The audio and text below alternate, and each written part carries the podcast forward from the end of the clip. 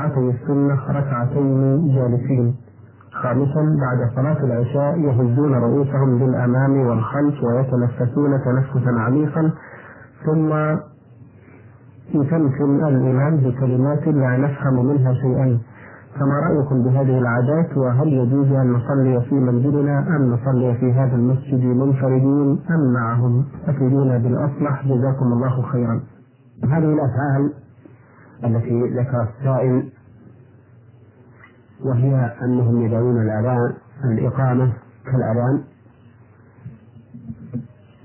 فإن بعض أهل العلم يرى ذلك ولكن الصحيح أن الإقامة دون الأذان. كما هو معروف. أما كونهم لا يساوون الصفوف ويتركون ثغرات فإن هذا خطأ عظيم. فإن تسوية الصف من تمام الصلاة وقد أمر النبي صلى الله عليه وسلم بتسويتها والتراص فيها. وهذا العمل الذي كانوا يفعلونه هذا خطأ.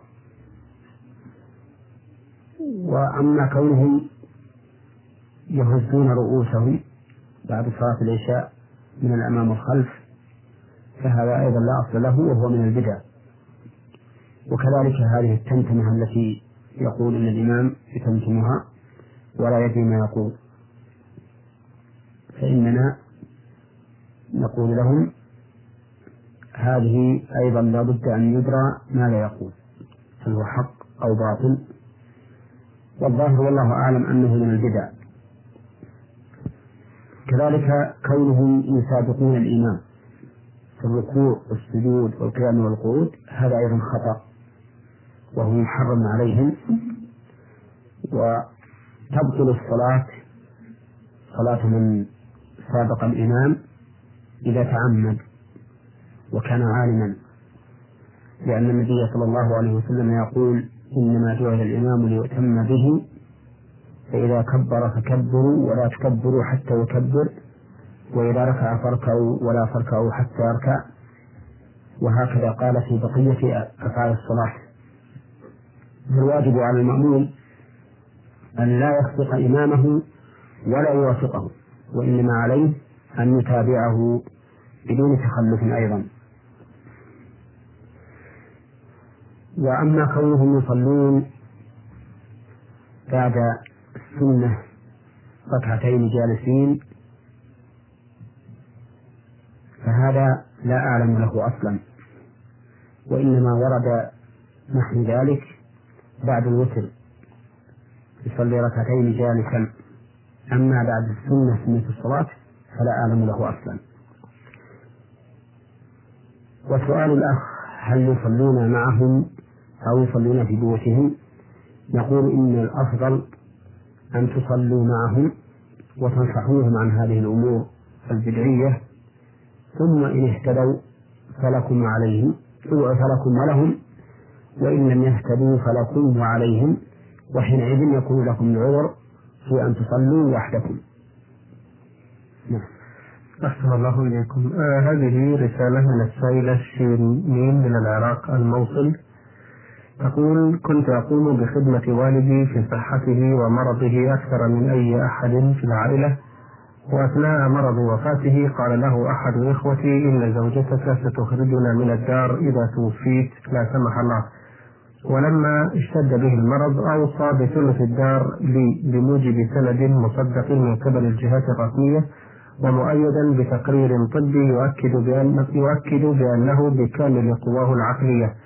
يذكر في الوصية بأنه يوصي بثلث داره بمحض إرادته ورغبته إلى ابنته التي هي السائلة لقاء خدمتها وأتعابها واهتمامها به ولم يكرهه أحد على ذلك. وبعد وفاة والدي بفترة تزوجت بموافقة إخوتي وبعد زواجي أخذ بعض إخوتي وزوجة والدي يطلبون مني التنازل عن الوصية وعدم تمثيلها قائلين لي لو كنت متزوجة قبل وفاة والدك لما أوصى لك بما أوصى. ولما تزوجت الآن فلا يحق لك ذلك. وإذا نفذت الوصية فإن والدك فإن والدك يحاسب أمام الله ويعذب نتيجة وصيته هذه. وأنت تفقدين أجرك على خدمته أفيدوني رجاء. هل عمل والدي مخالفا للشرع؟ وإذا نفذت الوصية فهل يحاسبه الله على وصيته هذه؟ ويأثم على ذلك. أفيدونا جزاكم الله خيرا وأثابكم. وصية الرجل لأحد من الورثة محرمة لأن الله سبحانه وتعالى فرض المواريث وبينها وقال فريضة من الله في ميراث الأصول والفروع وقال في ميراث الأزواج والإخوة من الأم تلك حدود الله ومن يطع الله ورسوله يدخله جنات تجري من تحتها الأنهار وخالدين فيها وذلك الفوز العظيم ومن يعص الله ورسوله ويتعدى حدوده ويتعدى حدوده يدخله نارا خالدا فيها وله عذاب مهين. وقال في إرث الإخوة والأخوات في آخر سورة النساء يبين الله لكم أن تضلوا والله بكل شيء عليم. وقال النبي صلى الله عليه وسلم إن الله أعطى كل ذي حق حقه فلا وصية لوارث. فهذه الوصية وصية أبيك لك في مقابل خدمته وصية جائرة لا يجوز تنفيذها. ولكن إذا كان الورثة قد وافقوا بعد موت والدك عليها فإنها تعتبر نافذة بسبب إجابتهم لها. وحينئذ لا يحق لهم الرجوع بعد ذلك. ومطالبتك ومطالبتك بأن ترد هذه الوصية ولكن أنت إذا رأيت من المصلحة أن تتنازلي دفعا لما قد يحصل من الحرج والبغض بينك وبين إخوتك فإن هذا من الأفضل والأطيب. نعم. هذه رسالة من السائل سين جيم من سلطنة عمان. يقول كنت مسافرا أنا وولدي وعمره ست عشرة سنة في طلب المعيشة. وذات يوم التقط ولدي حافظة نقود وجدها ملقاة على الأرض بأحد الشوارع وبداخلها 600 درهم. ولا نعرف صاحب هذه الحافظة وقد صرفناها في شؤوننا الخاصة بجهل بحكم مثل هذا. فماذا نفعل الآن وماذا يترتب علينا؟ افعلوا الآن. أن تتصدقوا بما يقابل هذه الدراهم. بنية أنها لصاحبها تخلصا منها ولعل الله ولعل الله أن يعفو عنكم.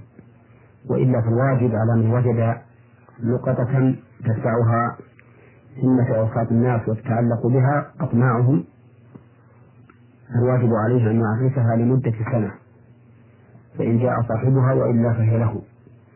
وأما كونه يصرفها في أغراضه الخاصة بمجرد وجودها فإن هذا لا يجوز فعليكم أن تتوبوا إلى الله سبحانه وتعالى وأن تتصدقوا وأن تتصدقوا بها لصاحبها ونسأل الله لنا ولكم المغفرة. أم لم يشترط؟ لأنه وإن لم يشترط في اللفظ فهو مشترط في العادة فإن كل أحد يعرف أنه سيخرج لهذه الأمور.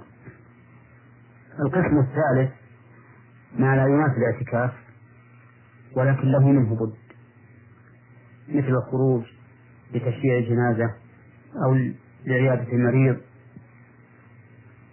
أو زيارة قريب أو ما أشبه ذلك مما هو طاعة ولكنه له منه بد فهذا يقول أهل العلم إن اشترطه باعتكافه فإنه يفعله. وإن لم يشترط فإنه لا يفعله. فهذا هو ما يتعلق بخروج المعتكف من من المسجد. وأما خروجه لطلب ابنه الضائع أو لإطفاء الحريق المحترق في ماله فهذا أمر واجب عليه. فعليه أن يخرج لطلب ابنه وعليه أن يخرج لإطفاء الحريق عن ماله. لأنه مأمور بحفظ أمواله وحفظ أولاده. فليخرج وهنا إن قلنا بأنه أمر ضروري طارئ فلو بالاعتكاف فله وجه. وإن قلنا أنه يبطله ولكنه انتقل من مفضول إلى أفضل لأن القيام بالواجب أفضل من الاستمرار في التطوع. ثم إذا زالت هذه الضرورة رجع إلى معتكفه. آه هذا سؤال من المستمع ناجح خلف. مصري مقيم بالزلفي. يقول أنا أعمل في مزرعة وهذه المزرعة تبعد عن المسجد الذي تقام فيه الجمعة بما يقارب ستة كيلو متر وليس عندي وسيلة نقل توصلني إلى المسجد وقد طلبت من صاحب المزرعة إيصالي إلى المسجد يوم الجمعة فرفض. وقال صل في المزرعة. فهل يجوز لي أن أصليها ظهرا دائما حتى لو كان لأكثر من ثلاث جمع؟ ما دام صاحب العمل لا يسمح لي بالذهاب إلى المسجد. نعم لك أن تصلي في هذا المكان ظهرا كل جمعة لأن صاحب المنزل لأن صاحب المحل مزرعة المزرعة لا يمكنك من هذا الأمر ولأنك بعيد عن مكان المسجد وليس لك ما يوصلك إلى هذا. فعندئذ معذور. فلا حرج عليك أن تصلي في مكانك ظهرا. وصاحب المزرعة لا يهتم بمنعه مع قدرته على إيصاله؟ لا يهتم بمنعه صاحب المزرعة. نعم إلا إذا كان قد شرط عليه عند العقد بأنه يمكنه من الصلاة ويقوم بحمل بنقله إلى المسجد. فيجب عليه الوفاء بما شرط عليه. نعم. جزاكم الله خيرا. هذه ثلاثة أسئلة بعث بها السائل مبروك العوفي من خليف. سؤاله الأول يقول لدي قطعة أرض ولها صك شرعي قديم ومكتوب في الصك وقف لله تعالى ومكتوب عليه وقف لله ملعون بائعها وملعون شاريها. مع العلم بأني أستغل هذه الأرض للزراعة وآكل من دخلها فهل هو حلال أم حرام أم ماذا؟ وهل يصح الوقف بهذا الأسلوب؟ الوقف صحيح. إذا كان من مالك وتم شروط الوقف ولكن ما ما ينبغي للموقف أن يستعمل مثل هذه العبارات. نعم. باللعن فإنه يكفي إذا أوقفها أن يثبت ذلك بطريق شرعي ومن غير أو بدل فالإثم عليه سواء قرن ذلك باللعنة أم لم يقرن. وأما التصرف في هذا الوقف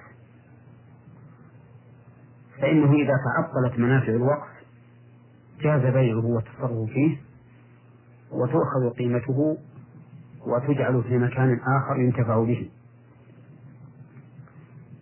ولكن ينبغي أن يكون هذا التصرف بعد مراجعة المحكمة حتى تتبين الأمر وتتحققه ثم تأذن في نقله إلى مكان آخر سؤاله الثاني يقول حديث شريف أسمعه دائما ولكني لا أدرك معناه وهو تبلغ الحلية من الرجل حيث يبلغ الوضوء فما معناه؟ الحديث تبلغ الحلية من المؤمن نعم. حيث يبلغ الوضوء هذا صحة الحديث. هذا لفظ الحديث. نعم. والمعنى أن أهل الجنة إذا دخلوا الجنة فإنهم يحلون فيها كما قال الله عز وجل يحلون فيها من أساور من ذهب ولؤلؤا وحلوا أساور من فضة. فهم يحلون أسورة من ذهب ولؤلؤ وفضة. فالمؤمن يحلى في الجنة رجلا كان أو امرأة بهذه الحلية إلى حيث يبلغ الوضوء.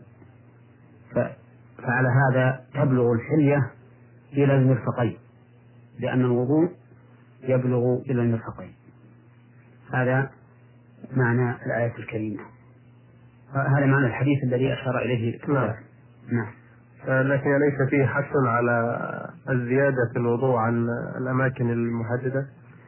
لا ليس فيه. لا يفهم منه. لا يفهم منه لأن الوضوء يبلغ إلى مكان معين قدره الله تعالى في القرآن وقوله تعالى وأيديكم إلى المرافق. له سؤال أخير يقول إذا صدف وتزوج رجل امرأتين وأنجب أطفالا من كلتيهما وبعد فترة اكتشف بشهادة من بعض ذويهم آه، أنهما أختان من الرضاعة. فماذا عليه أن يفعل في هذه الحالة؟ في هذه الحالة إذا ثبت أن زوجتيه كانتا أختين من الرضاعة نعم. فإن نكاح الثانية منهما باطل. الأخيرة يكون نكاحها باطلا ويجب عليه أن يفارقها.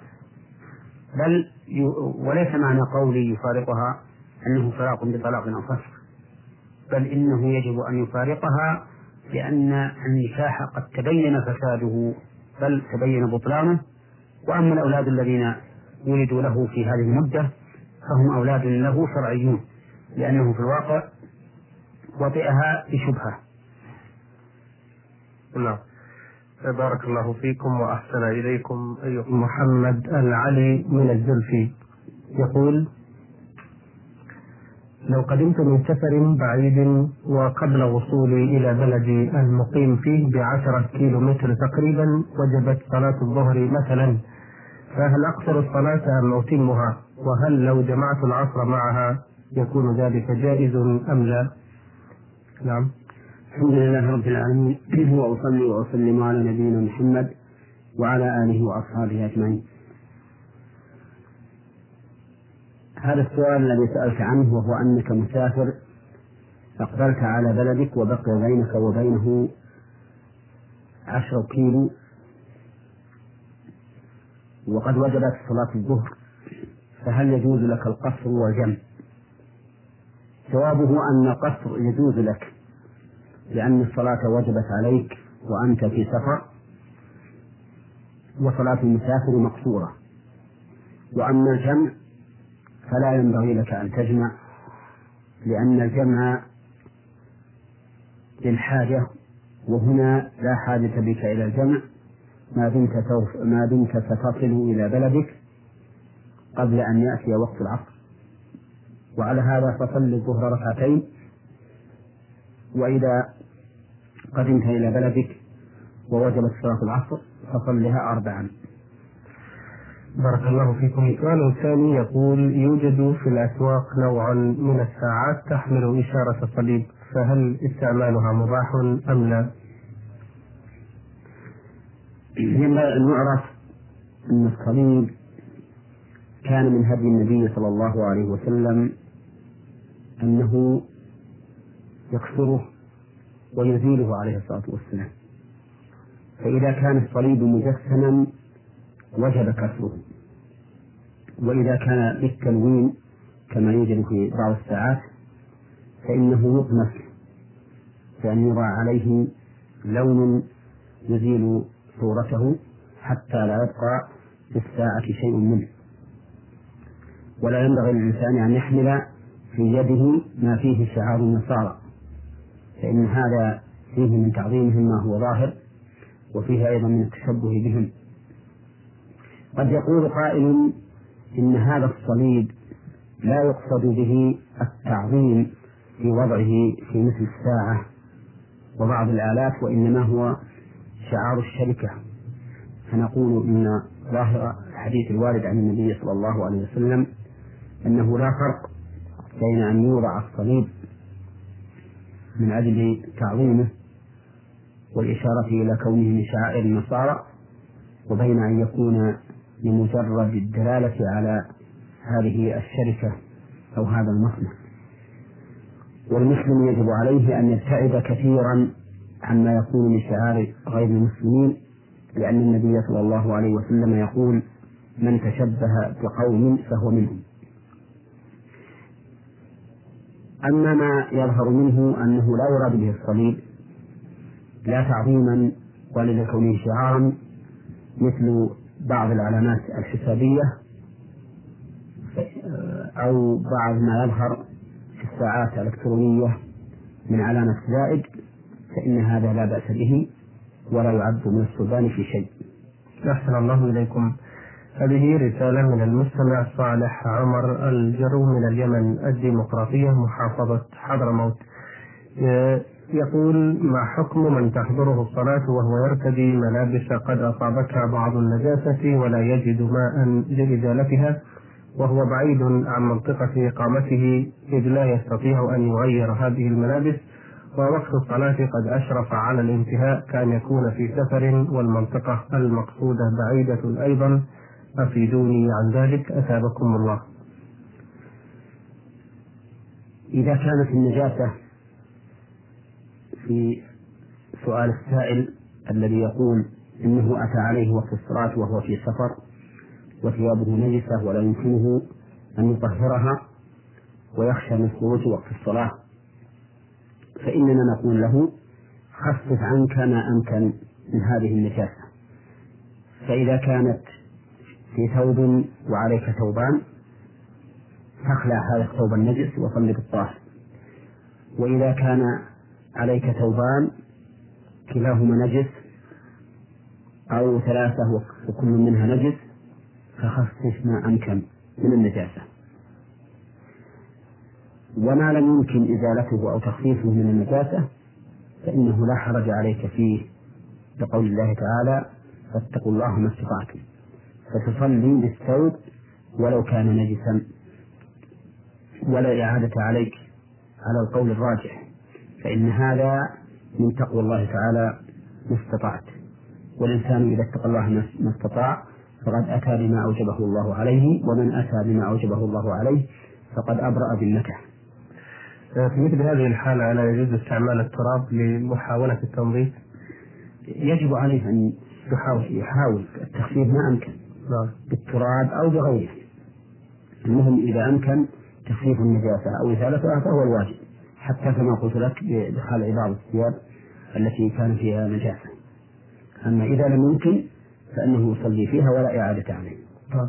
إنما الخلع لابد أن يراعي شرط ستر العورة. نعم. يعني لابد أن يبقي عليه ما يستر به عورته. نعم. بارك الله فيكم. له سؤال آخر يقول فيه لقد صليت العصر والمغرب والعشاء في ملابس بها بعض النجاسة ولم ولم أذكر ذلك إلا بعد فراغي من صلاة العشاء فهل يلزمني القضاء في هذه الحالة أم ما العمل أفيدوني شكر الله لكم؟ نقول أيضا إذا صليت في ثياب النجسة وقد نسيت أن تغسلها قبل أن تصلي ولم تذكر إلا بعد فراغك من صلاتك فإن صلاتك صحيحة. وليس عليك إعادة لهذه الصلاة وذلك لأنك ارتكبت هذا المحظور ناسيا. وقد قال الله تبارك وتعالى ربنا لا تؤاخذنا إن نسينا أو أخطأنا. فقال الله تعالى قد فعلت. ورسول الله صلى الله عليه وسلم صلى ذات يوم في نعليه وكان فيهما أذى لما كان في أثناء الصلاة أخبره جبريل بذلك فخلعهما رسول الله صلى الله عليه وسلم وهو يصلي ولم يستأنف الصلاة. فدل هذا على أن من علم بالنجاسة في أثناء الصلاة فإنه يزيلها ولو في أثناء الصلاة ويستمر في صلاته. إذا كان يمكنه أن يبقى مستور العورة بعد إزالتها. وكذلك من نسي وذكر في أثناء الصلاة فإنه يزيل هذا الثوب النجس إذا كان يبقى عليه ما يستر به عورته. وأما إذا فرغ من صلاته ثم ذكر بعد أن فرغ أو علم بعد أن فرغ من صلاته فإنه لا إعادة عليه وصلاته صحيحة. بخلاف الرجل الذي يصلي وهو ناس أن يتوضأ مثل أن يكون قد أحدث ونسي أن يتوضأ ثم صلى وذكر بعد فراغه من الصلاة أنه لم يتوضأ فإنه يجب عليه الوضوء وإعادة الصلاة. وكذلك لو كان عليه جنابة ولم يعلم بها مثل أن يكون قد احتلم في الليل وصلى الصبح بدون غسل جهلا منه ولما كان في, النهار رأى في ثوبه منيا من نومه فإنه يجب عليه أن يغتسل وأن يعيد ما صلى. والفرق بين هذا وبين المسألة الأولى أعني مسألة النجاسة أن النجاسة من باب ترك المحظور وأما الوضوء والغسل فهو من باب فعل المأمور وفعل المأمور أمر إيجابي لا بد أن يقوم به الإنسان ولا تتم العبادة إلا بوجوده. أما إزالة النجاسة فهي أمر عدمي لا تتم الصلاة إلا بعدمه. فإذا وجد في حال الصلاة نسيانا أو جهلا فإنه لا يضر لأنه لم يفوت شيئا يطلب حصوله في صلاته. نعم. جزاكم الله خيرا. هذه عدة أسئلة بعث بها السائل شين ميم ميم من العراق محافظة صلاح الدين قضاء تكريت. يقول أنا أعلم أن للأب والأم دورا كبيرا في بناء الأسرة السعيدة وعليهما يقع تهذيب وتأديب الأبناء وتعليمهم الأخلاق الفاضلة والحميدة. ولكني لا أجد ذلك في مجتمعي. فأولياء الأمور لا يفقه أولادهم في أمور الدين وما يجب فعله للدنيا والآخرة وإنما يتركوهم على أهوائهم. وتلك خطيئة عظمى. أعظوني زادكم الله موعظة. إننا لا نجد موعظة أعظم من موعظة القرآن. كما قال الله تعالى يا أيها الناس قد جاءتكم موعظة من ربكم وشفاء لما في الصدور. وقال تعالى يا أيها الناس قد جاءكم برهان من ربكم وأنزلنا من السماء ماء طهورا.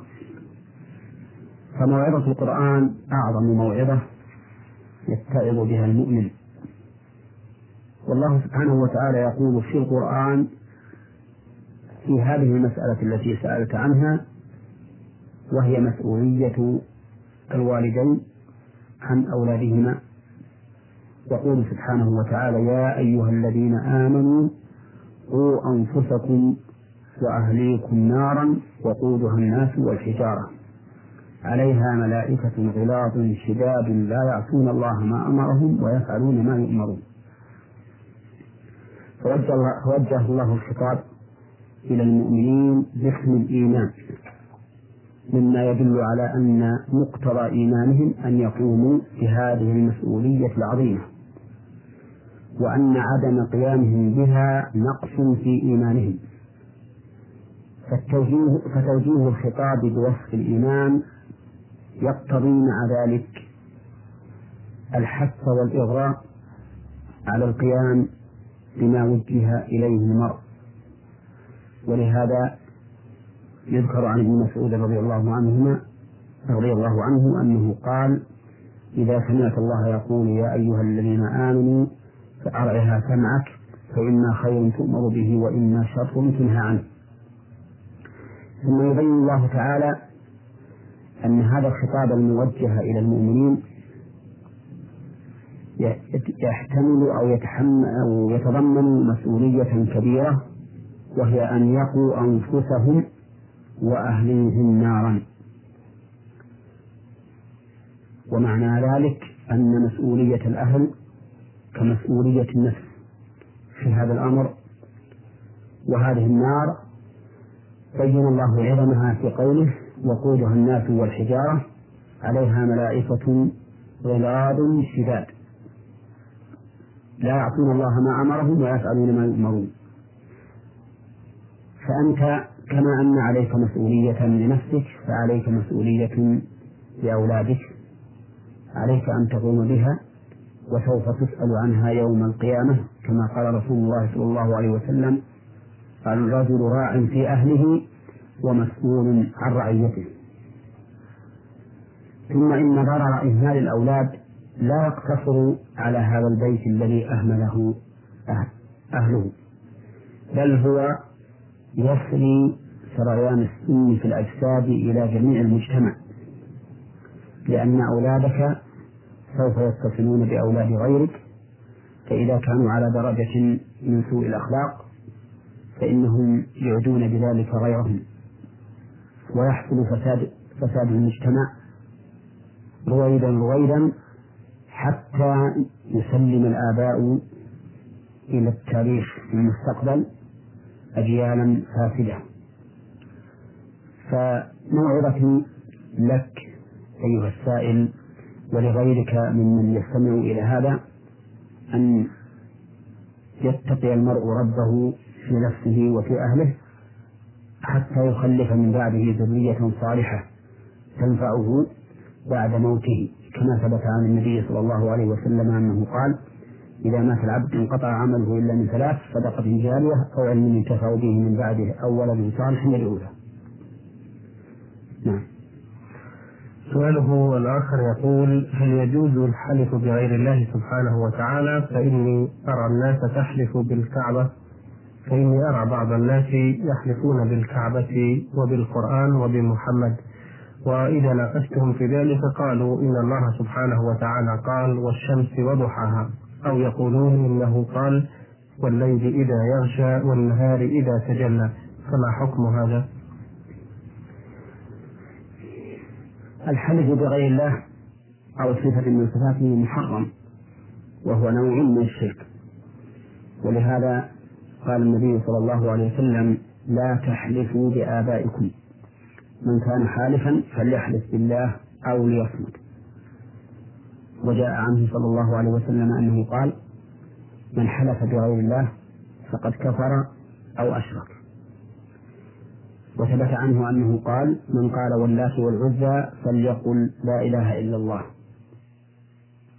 يقول السائل إن له والدة طاعنة في السن وهي تصر على الصوم مع أن ذلك يضر بصحتها فهل هناك كفارة من عدم صومها؟ وما هي. الحمد لله رب العالمين والصلاة والسلام على نبينا محمد وعلى آله وأصحابه أجمعين. جواب على هذا أن نقول إذا كان الصوم يضر بها كما ذكر السائل فإنه فإنه لا يجوز لها أن تصوم لأن لأن الله تعالى يقول في القرآن ولا تقتلوا أنفسكم إن الله كان بكم رحيما ولا تلقوا بأيديكم إلى التهلكة. فلا يجوز لها أن تصوم والصوم يضر بصحتها وما دامت صائمة في السن فإن الغالب أنها لن تقدر على الصوم في المستقبل وحينئذ يطعم عن عنه عن كل يوم مسكين. فإما أن يدفع إلى المساكين ذلك الطعام ومقداره ربع صاع من البر أو نصف صاع من غيره والرز مثل البر لأن انتفاع الناس به آه، كانتفاعهم في البر بل أبلغ لأنه لا يحتاج إلى كلفة ومشقة كما يحتاج إليها البر. وإما أن يصنع طعام ويدعى إليه مساكين بعدد أيام الشهر وبذلك تبرأ ذمتها. والله أعلم.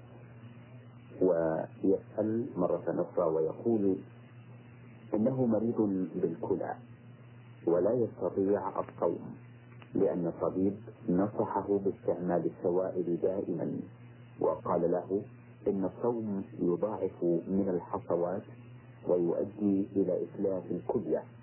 فما حكم هذا؟ جوابنا على ذلك أن نقول إن هذا يعتبر من المرضى. ويعتبر مرضه فيما يبدو من الأمراض المستمرة. فعليه أن يطعم لكل يوم مسكينا.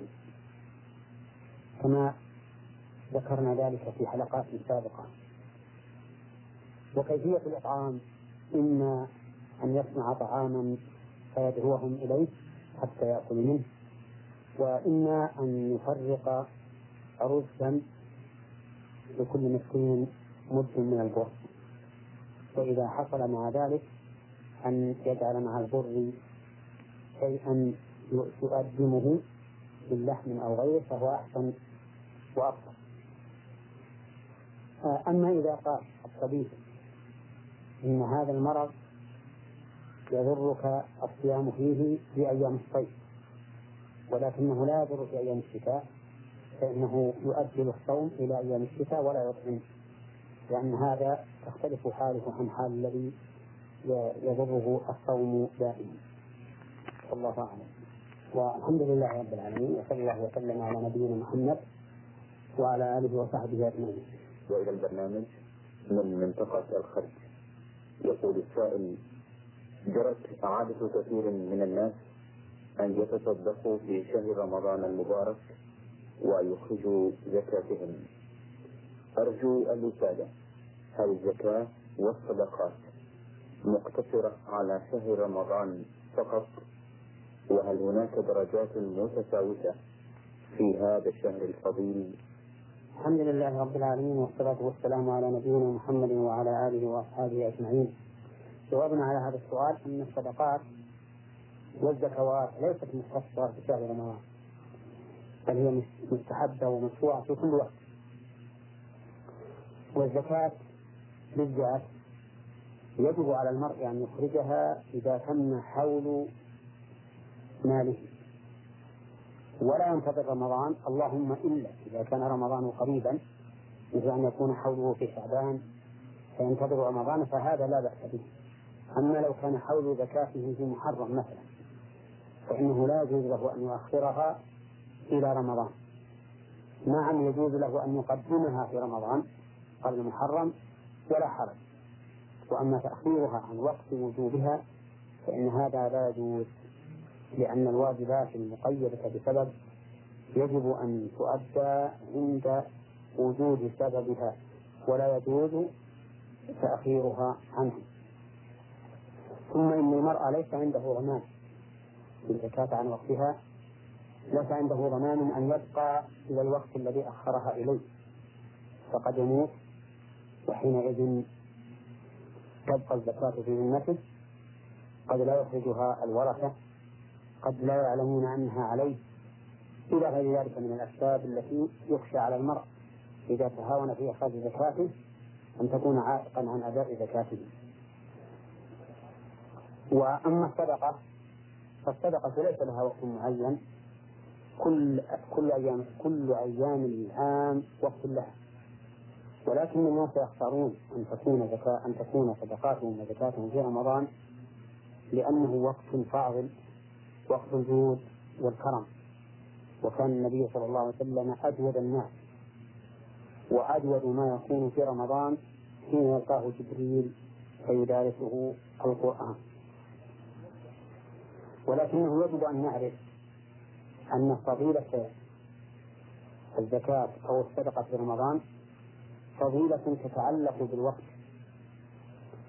فإذا لم يكن هناك فضيلة أخرى تربو عليها ففي هذا الزمن أفضل من غيره.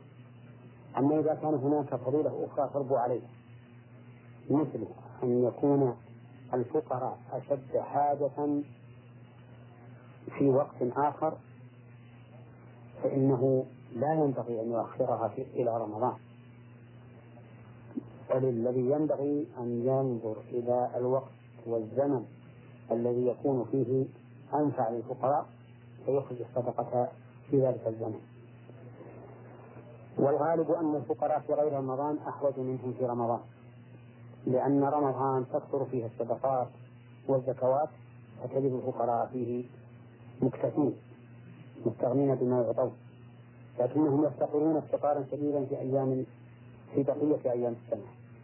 فهذه فهذه المسألة ينبغي أن يلاحظها المرء وأن لا يجعل فضل الزمن مقدما على كل فضل وأما قول السائل هل هناك درجات متفاوتة في هذا الشهر الفضيل فنقول نعم.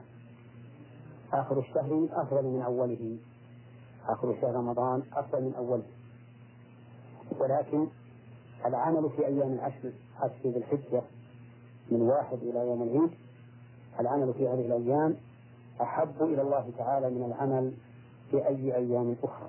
قال النبي صلى الله عليه وسلم فيما صح عنه ما من أيام العمل الصالح فيهن أحب إلى الله من هذه الأيام العشر يعني عشر ذي الحجة. فقالوا يا رسول الله ولا الجهاد في سبيل الله. قال ولا الجهاد في سبيل الله. إلا رجل خرج بنفسه وماله فلم يرجع من ذلك بشيء. والله أعلم. والحمد لله رب العالمين وصلى الله وسلم على نبينا محمد وعلى آله وصحبه أجمعين. يصوم شهر رمضان ولا يؤدي الصلوات. والبعض يصلي ويصوم خلال شهر رمضان فقط. فما الحكم لأمثال هؤلاء؟ الحمد لله رب العالمين.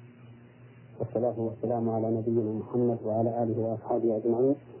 جوابنا على هذا السؤال أن نقول لا ريب أن هذا الذي يفعل هذا الفعل أنه على خطأ عظيم. وأنه لا يفيده صيام رمضان شيئا. وذلك لأن من لا يصلي فهو كافر. والعياذ بالله.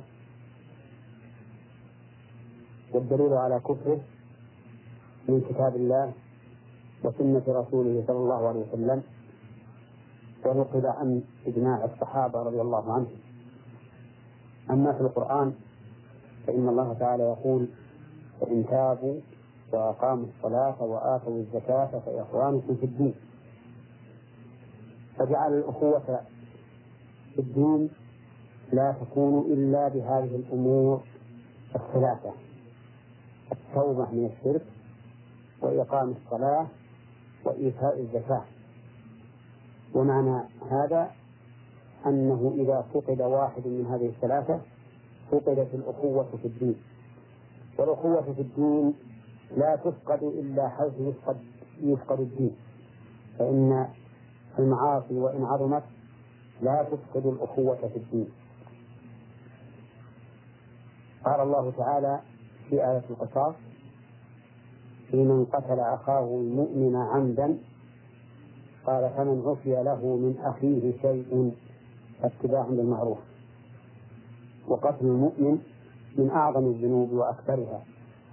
كما في الحديث الصحيح عن النبي صلى الله عليه وسلم أنه قال سباب المسلم فسوق وقتاله كفر.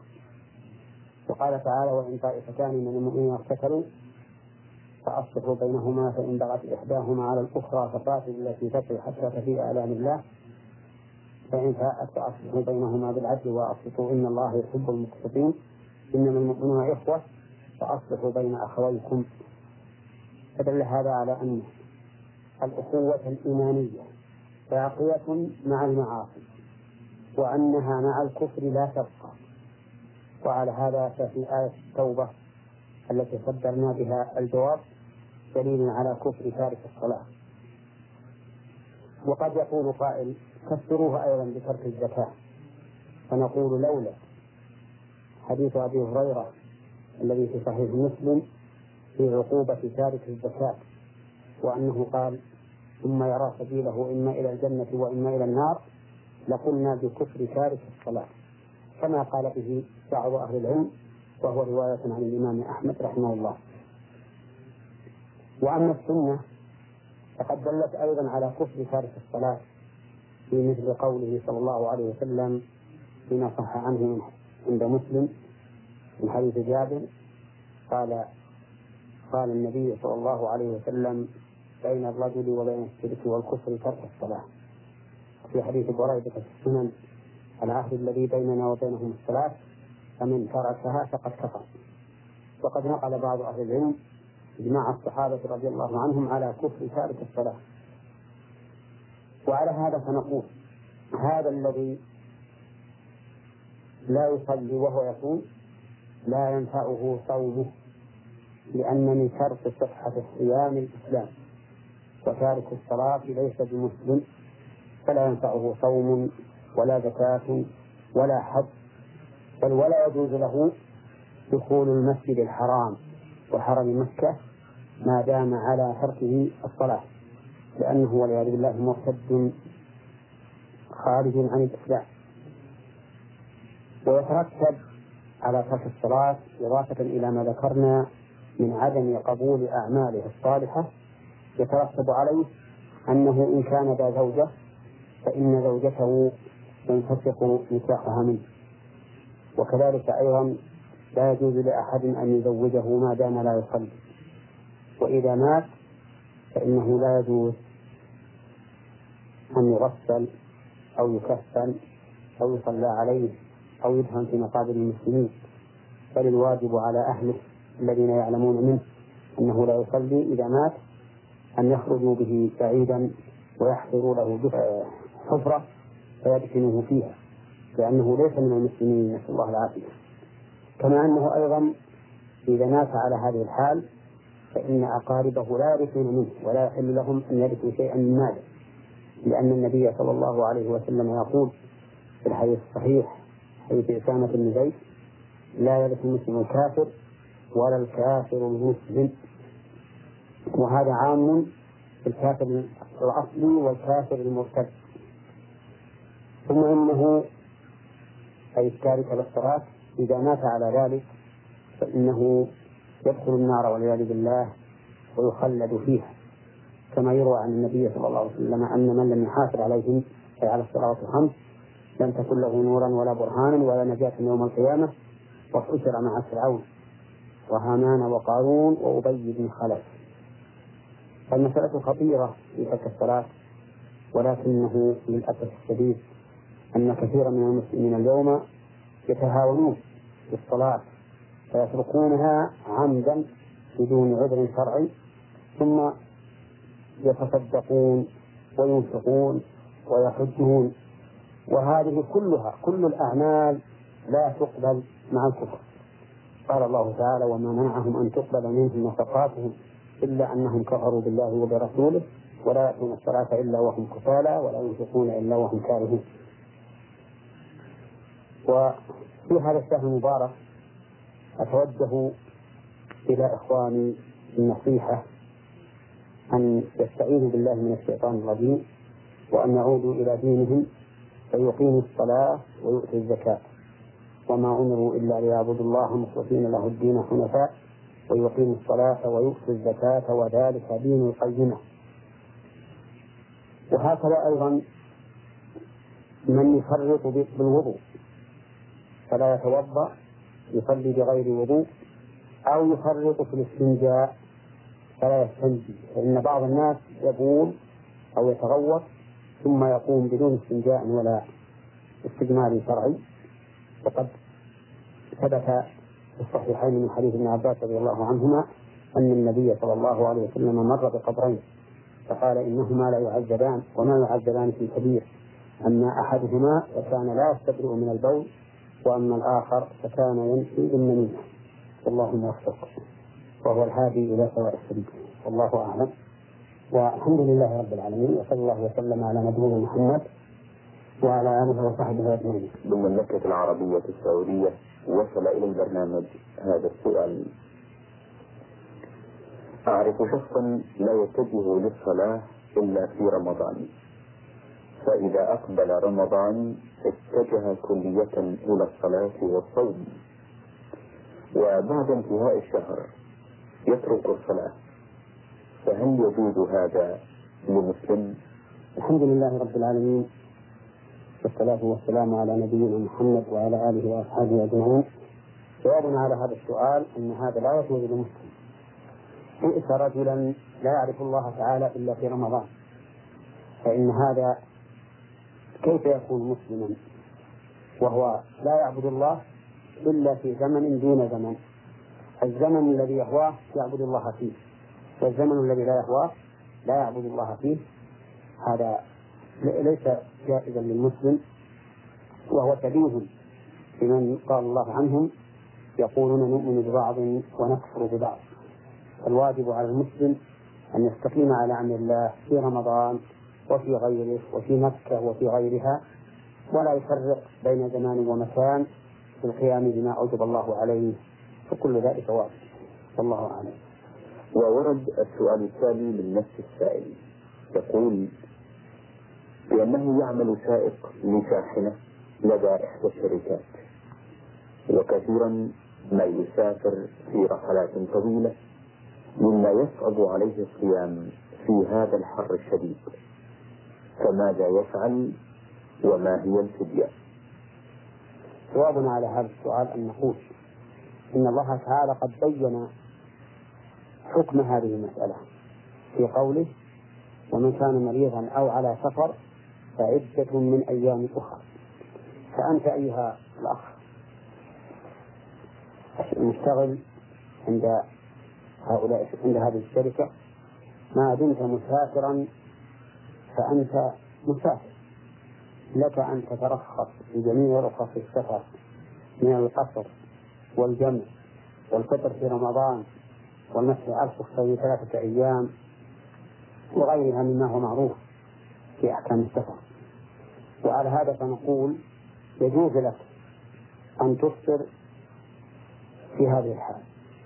ولو كنت دائما تشتغل في هذه السيارة لأنه ما دام لك مكان تأوي إليه وأهل تأوي إليهم فأنت إذا فارقت هذا المكان وأولئك الأهل فأنت مسافر. وعلى هذا فيجوز لك أن تفعل ما يفعله المسافرون. فإن الله تعالى قد أطلقت الآية ومن كان مريضا أو على سفر ولم يقيده بشيء. وما أطلقه الله ورسوله فإنه يجب العمل بمطلقه. فإذا قلت كيف أصنع وأنا دائما في هذه المهنة؟ أسافر دائما شتاء وصيفا نقول لك إذا كنت في أهلك في رمضان وجب عليك أن تصوم. وإذا كنت في غير أهلك فأنت مسافر لا يجب عليك أن تصوم. ثم إنه من الممكن أن نقول بأن لك فائدة عظيمة. وهي أنك بدل ما بدل أن تصوم في هذا الحر الشديد تصوم في أيام الشتاء القصيرة المدة الباردة. وذلك أسهل لك من الصيام في السفر في مثل هذه الأيام الطويلة الشديدة الحر. والله أعلم. والحمد لله رب العالمين وصلى الله وسلم على نبينا محمد وعلى آله وصحبه أجمعين. وصل إلى البرنامج. هذا تساؤل من الأخت الكريمة هيفاء عادل وتقول هل يجوز صرف زكاتي إلى أقاربي أم لا؟ الحمد لله رب العالمين والصلاة والسلام على نبينا محمد خاتم النبيين وعلى آله وأصحابه أجمعين. جوابنا على هذا أن نقول إن معرفة من تصرف إليهم الزكاة أمر مهم جدا وذلك لأن الزكاة لا تنفع إلا إذا وقعت موقعها وصرفت في مصارفها والله تبارك وتعالى قد تولى بيان ذلك بنفسه حيث قال إنما الصدقات للفقراء والمساكين والعاملين عليها والمؤلفة قلوبهم وفي الرقاب والغارمين. وفي سبيل الله وابن السبيل فريضة من الله والله عليم حكيم. هؤلاء هم أهل أهل الزكاة. وإذا أردنا أن نطبق الأمر على ما هو معروف في أصول الفقه فإننا نقول هؤلاء المذكورون يجوز الصرف إليهم بكل حال وهم أهل الزكاة بكل حال. ولا نخرج من هذا من هؤلاء إلا من كان الدليل على إخراجهم. الفقراء والمساكين هم الذين لا يجدون كفايتهم وعائلتهم لمدة السنة. والعاملين عليها هم من يوليهم الإمام شؤونها من جباية وصرف وضبط وحفظ المعلقة قلوبهم هم الذين يعطون منها ليقوى إيمانهم ويؤلفوا على الإسلام فيحبوه ويحبوا أهله. أو يعطون من أجل دفع شرهم عن الإسلام والمسلمين. إذا لم يمكن دفع شرهم بما سوى ذلك. وأما الرقاب فهم الأرقة. يشترون من الزكاة ويعتقون حتى يتحرروا من الرق ومنهم المكافرون الذين يشترون أنفسهم من أثيابهم فيعطون معونة لأجل أن يحرروا أنفسهم من أثيابهم وأما الغارمون فهم أصحاب الدين الذين عليهم الدين وهم لا يستطيعون وفاءه. وأما سبيل الله فالمراد بها الجهاد في سبيل الله. ومن قال إن المراد بها جميع سبل الخيرات فإنه قول ضعيف. وذلك لأننا لو قلنا أن المراد بذلك المراد بها جميع سبل الخيرات لم يكن للحصر فائدة. والله تعالى قد حصرها في قوله إنما الصدقات للفقراء والمساكين إلى آخره.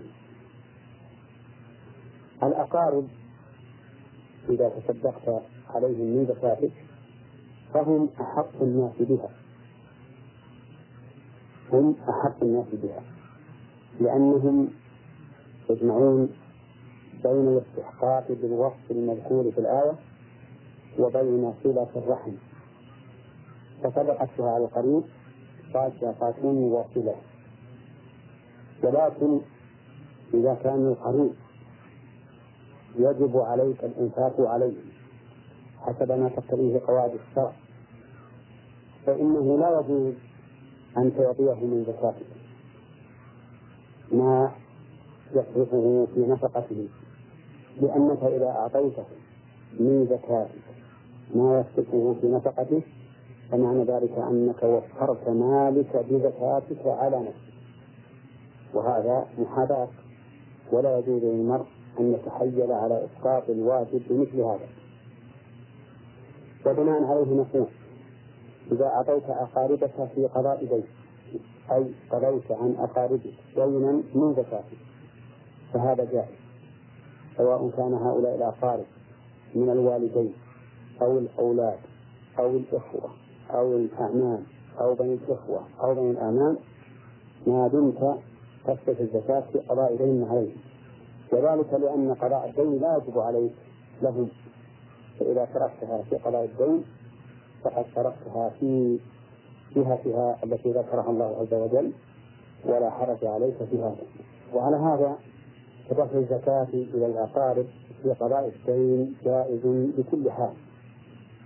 أما في سداد النفقة فإن كان يجب عليك نفقتهم فإنه لا يجوز لك أن تدفع الزكاة إليهم من أجل دفع حاجتهم لأن ذلك واجب عليك قبل قبل الزكاة فإذا دفعت الزكاة إليهم في هذا الوجه فمعنى ذلك أنك وفرت نفسك وفرت مالك على نفسك. فمن المهم أن نبين أن الرجل الفقير الذي لا يجد ما يتزوج به وهو محتاج إلى الزواج فإنه يجوز أن تصرف الزكاة إليه لزواجه حتى لو صرفت إليه جميع زكاته من أجل أن يتزوج بها فإن هذا جائز لا بأس به لأن الزواج من أعظم حاجات الإنسان. والله أعلم. والحمد لله رب العالمين وصلى الله وسلم على نبينا محمد وعلى آله وصحبه أجمعين.